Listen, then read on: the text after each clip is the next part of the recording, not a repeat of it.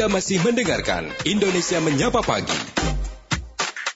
Hanya di Pro 3. Dan pendengar kini kami ajak Anda untuk masuk dalam sesi dialog layanan kesehatan COVID-19 kerjasama Fakultas Kedokteran Universitas Indonesia dan Radio Republik Indonesia pada pagi hari ini. Dialog Layanan Kesehatan kerjasama Pro 3 RRI dengan Fakultas Kedokteran Universitas Indonesia. Tema yang akan kami bahas pada pagi hari ini adalah transplantasi ginjal sebagai pilihan terapi terbaik bagi pasien gagal ginjal. Kami nanti akan membahasnya bersama dengan Dr. Dr. Nur Rashid SPUK, Departemen Urologi, dan nanti kami undang Anda untuk dapat berpartisipasi berinteraksi dengan narasumber kami di 0213523172, 3844545, kemudian 3866712, atau juga dapat melalui WhatsApp kami di 081 399 399 888. Segera kita mulai dialog pelayanan kesehatan COVID-19. Selamat pagi Dr. Nur Rashid. Selamat pagi, Mas Rudi. Iya, kabar baik dok ya pagi hari ini. Alhamdulillah. Baik. Transplantasi ginjal sebagai pilihan terapi terbaik bagi pasien gagal ginjal. Dok mungkin bisa dijelaskan terlebih dahulu uh, mengenai hmm. gagal ginjal itu apa dan nanti kita baru akan berlanjut ke masalah transplantasinya ini dok. Silakan. Baik. Jadi gagal ginjal ini adalah kondisi di mana ginjal sudah tidak bisa berfungsi sesuai tugasnya. Secara garis besar, fungsi ginjal itu yang gampang dibagi dua meskipun banyak. Tapi yang lebih mudah dimengerti orang awam menghasilkan urin atau kencing. Jadi yang kita minum dan sebagainya akan dibuang oleh ginjal setelah disaring. Jadi barang-barang yang perlu ditahan, yang tidak perlu dibuang. Nah, jadi itu fungsi sebagai mencuci darah. Hmm. Nah, jadi fungsinya tadi membuang air, kedua mencuci. Nah, sehingga bisa salah satu atau dua dari fungsi ini yang rusak. Jadi ada orang yang masih kencing, tetapi fungsi pencuciannya rusak. Atau sebaliknya, kencingnya sudah tidak ada dan juga pencuciannya uh, juga hilang. Ditandai dengan uh, ureum, kalau diperiksa laboratorium, ureum kreatinnya akan tinggi. Itu racun yang ada di tubuh kita karena ginjal tidak bisa membuang. Kalau secara awam, karena biasanya gagal ginjal ini terjadinya pelan-pelan, sehingga orang ngerasa cuma mual, lemes, hmm. gitu biasanya. Sehingga tidak terlalu spesifik juga. Iya, baik. Biasanya diawali dari apa ini dok? Gagal atau penyebabnya apa ini? Seseorang bisa... Oke, okay, kalau gagal. kita lihat kenyataannya sekarang di Indonesia, kalau orang yang kita masuk ke ruangan cuci darah, orang yang yang gagal ginjal itu sekarang paling banyak di Indonesia dicuci darah ya. Iya sebagian besar dari 50% lebih itu orang penderita kencing manis sebelumnya yang tidak terkontrol. Ya. Nah, jadi sebenarnya uh, gagal ginjal itu bisa dicegah kalau orang mau menjaga kencing manis, hipertensi, hmm. ya, uh, batu di ginjal itu batu bisa nomor 4. Nah, kencing manis kan tentu kita mengurangi jangan terlalu makan banyak yang manis, ya. jangan terlalu berlebihan karbohidrat, ya. hipertensi kurangin banyak garam. Jadi sebenarnya uh, pencegahan-pencegahan di awal itu lebih penting. Hmm. Dan karena uh, orang di awal itu tidak merasa, maka jalan satu-satunya ya memang pemeriksaan uh, secara berkala, paling tidak misalnya minimal tahun sekali kita hmm. periksa gula darahnya Ya. Tahun sekali kita ukur tekanan darah kita gitu. Iya, baik. Dengan banyaknya pasien yang menjalani cuci darah, sebenarnya dalam kondisi hmm. bagaimana seorang pasien itu uh, melakukan cuci darah ini, dok?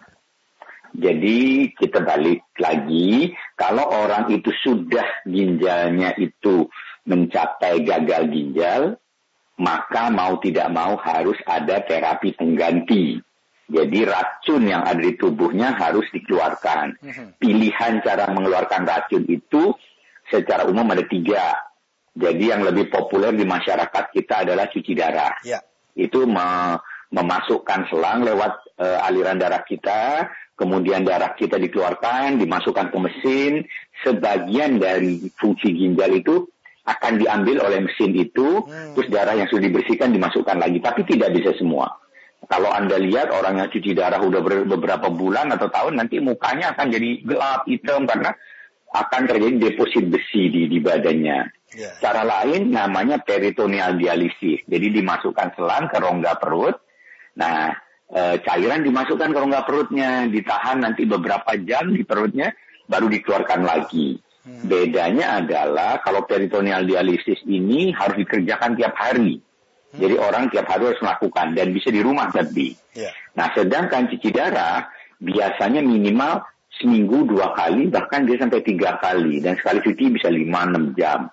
Hmm. Sehingga dengan dua cara ini maka mau tidak mau quality of life orang tersebut akan turun. Yeah. Karena dia harus menyediakan waktu tertentu untuk melakukan hal-hal tadi dan dan juga kesehatan secara umum akan beda dengan kita yang dalam keadaan seger atau orang juga yang ditransplant. Nah, cara yang paling paling terbaik baru transplantasi ginjal. Hmm. Di antara tiga cara ini gitu ya. Baik, baik. Dok, kita mulai dari cuci darah. Kalau cuci darah sendiri uh, sampai di mana dia bisa mengembalikan kembali fungsi ginjal kita, dok? Memang tidak semua. Jadi seperti yang tadi saya uh, sampaikan, pada saat cuci darah itu bisa kita ambil cairannya. Misalnya ada orang yang uh, sudah nggak ada keluar kencing Sementara dia tetap harus minum kan, karena haus dan lain sebagainya. Maka pada saat sebelum dia cuci darah, banyak cairan yang tertumpuk di badannya. Bahkan kalau pasiennya itu tidak tidak disiplin, kadang bisa sampai sesak napas karena banyak cairan di parunya. Nah, e, mesin cuci ini selain membuang racun tadi ureum, ya ureumnya bisa dikeluarkan, tetapi tetap orang baru selesai cuci darah juga ureumnya tidak akan mencapai angka normal. Eh, jadi membuang racun, urium dan kreatinin tadi, menurunkan itu, dan menarik cairan. Itu bisa disetting. Yeah. Uh, mau sekali cuci darah tuh mau ditarik berapa cairannya, tergantung disetting orang per orang. Uh-huh. Nanti diatur kecepatan darah yang dicuci per menitnya berapa. Gitu. Di juga disesuaikan dengan kondisi uh, jantungnya. Karena kan uh, beban juga buat buat jantung gitu waktu darah ditarik keluar dan dimasukkan lagi tentu kondisi orang itu makin bermasalah, organ-organ lainnya berisiko juga cuci darah itu. Ya. Baik, Dokter Nur Rasid, bagaimana dengan transplantasi ginjal kalau ini dijadikan sebagai uh, satu langkah yang dianggap terbaik? Baik, jadi uh, kelebihan dari transplantasi ginjal itu kita bicara hasil akhir dulu ya. Di hasil akhirnya itu uh, quality of life orang itu jadi bagus. Jadi dia tidak tergantung uh, harus cuci lagi. Jadi dia bisa benar-benar aktivitas seperti sebelumnya. Hmm. Jadi dia bisa bekerja lagi, terutama pada yang masih muda-muda. Kemudian juga kalau kita bicara itu quality of life, bicara survival. Jadi kemungkinan risiko kematian. Kalau kita bicara lima tahun, itu kalau orang yang HD itu kira-kira tinggal 50 persen. Kalau 10 tahun tinggal 10 persen. Ya. Jadi akan banyak orang-orang yang HD atau peritoneal dialisis karena risiko-risiko yang dialami seperti kalau HD risiko tertular infeksi lah, eh, apa namanya, ah, sekarang ada HIV, kan ketemu orang, sekarang belum lagi ada COVID, kan kita tahu eh, ruangan cuci darah kan beramai-ramai itu. Risiko-risiko itu menjadi makin naik di mana ada pandemi. Nah, kalau transplantasi ginjal, itu lima tahun itu masih bertahan kira-kira 70 persen. 10 tahun masih ada 60 persen, 50 persen. Hmm. Jadi uh, secara quality of life lebih baik, secara angka harapan hidupnya juga lebih baik. Dan yang perlu diketahui saat ini BPJS sudah menanggung biaya transplantasi ginjal hmm. apabila transplantasi ginjal itu dilakukan di rumah sakit pemerintah tipe A. Itu syaratnya. Ya, sebenarnya yang dimaksud transplantasi atau mentransplant ginjal itu bagaimana sih dok? Secara awal Baik. dijelaskan dok. Ya, jadi orang itu mempunyai dua ginjal. Ya. Mempunyai dua ginjal. Nah, orang yang gagal ginjal atau dicuci atau transplant dia dua-dua ginjalnya sudah rusak.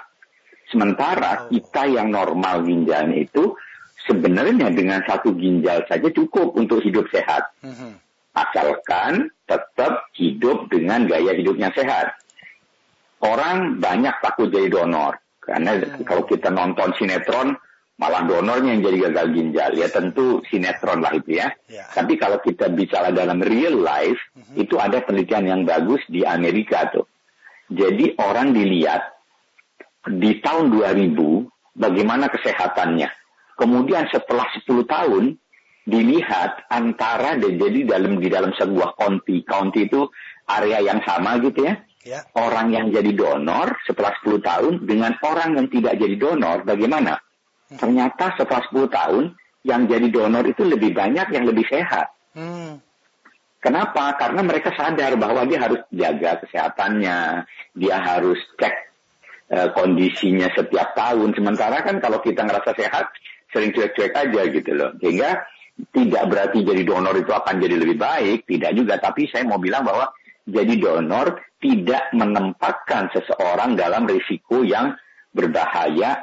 Karena apa? Karena syarat sebagai donor itu sangat ketat. Jadi selain syarat kesehatan, ya. nanti juga ada syarat etiknya, ada syarat kesehatan emosional atau psikologisnya, hmm. gitu ya. Hmm. Nah, sementara orang yang nerima, ya, itu cukup menerima satu ginjal, ginjal yang lamanya dibiarin aja kita tanam di tempat yang baru, di perut bagian depan, biasanya di sebelah kanan. Ya. Jadi gitu. sebagai seorang pendonor itu memang tidak tidak gampang ya dok ya? Tidak ya. tidak tidak gampang. Jadi tidak gampang dalam arti gini. Saya mau jadi donor. Ya. Iya. Jadi kita akan periksa dulu. Setelah kita periksa, kemudian uh, kalau dia memenuhi syarat, ya. maka akan kita uh, apa namanya kita jadi pertama syarat laboratorium uh-huh. syarat laboratorium standar. Nah kalau kesehatan standarnya saja memenuhi maka dia akan dilanjutkan kepada namanya tim advokasi. Di mhm. tim advokasi ini ada uh, ahli ini apa namanya forensik etik. Ya. ada medico legal. Ada kemudian uh, psikiater.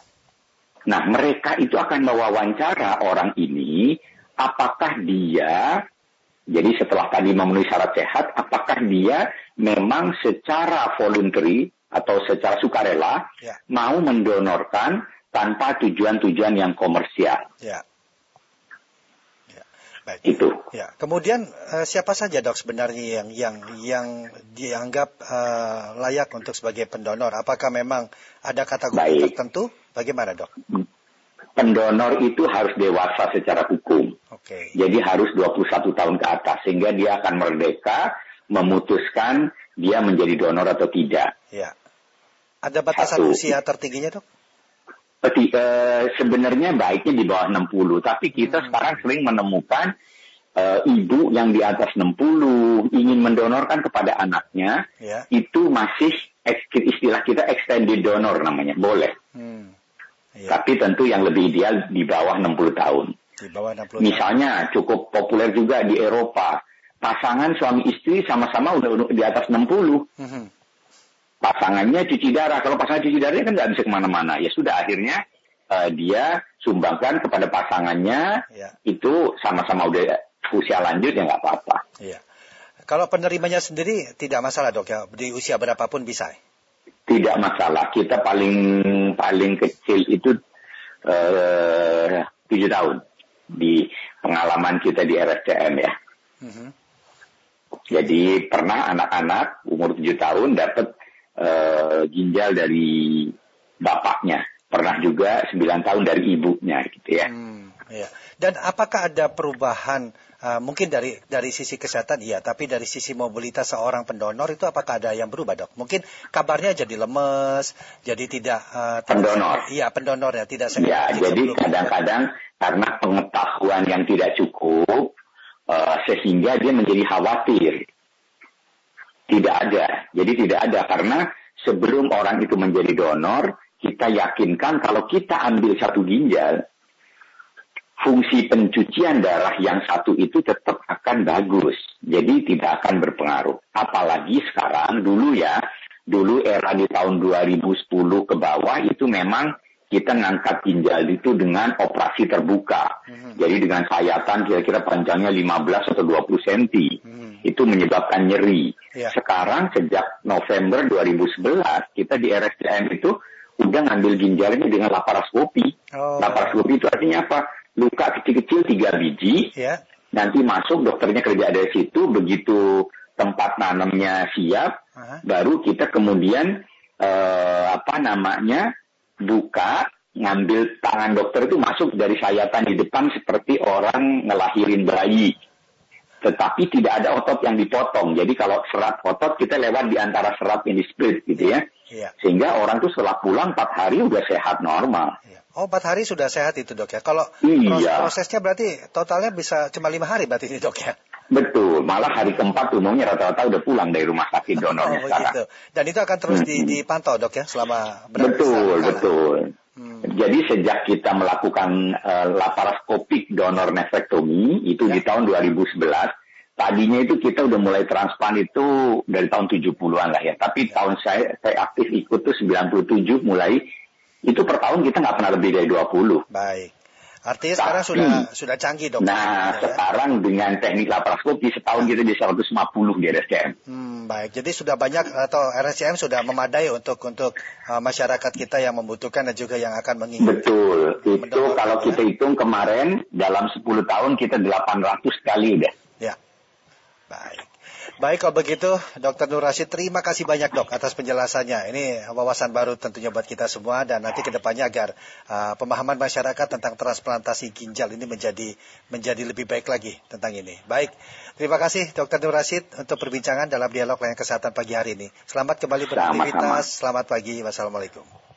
Waalaikumsalam warahmatullahi Dr. Dr. Nur Rashid SPUK dari Departemen Urologi sekaligus tadi menutup dialog layanan kesehatan COVID-19 kerjasama Fakultas Kedokteran Universitas Indonesia dan RRI. Tetaplah bersama kami, kami masih akan hadir dengan rangkaian berita dan informasi dalam Indonesia Menyapa Pagi.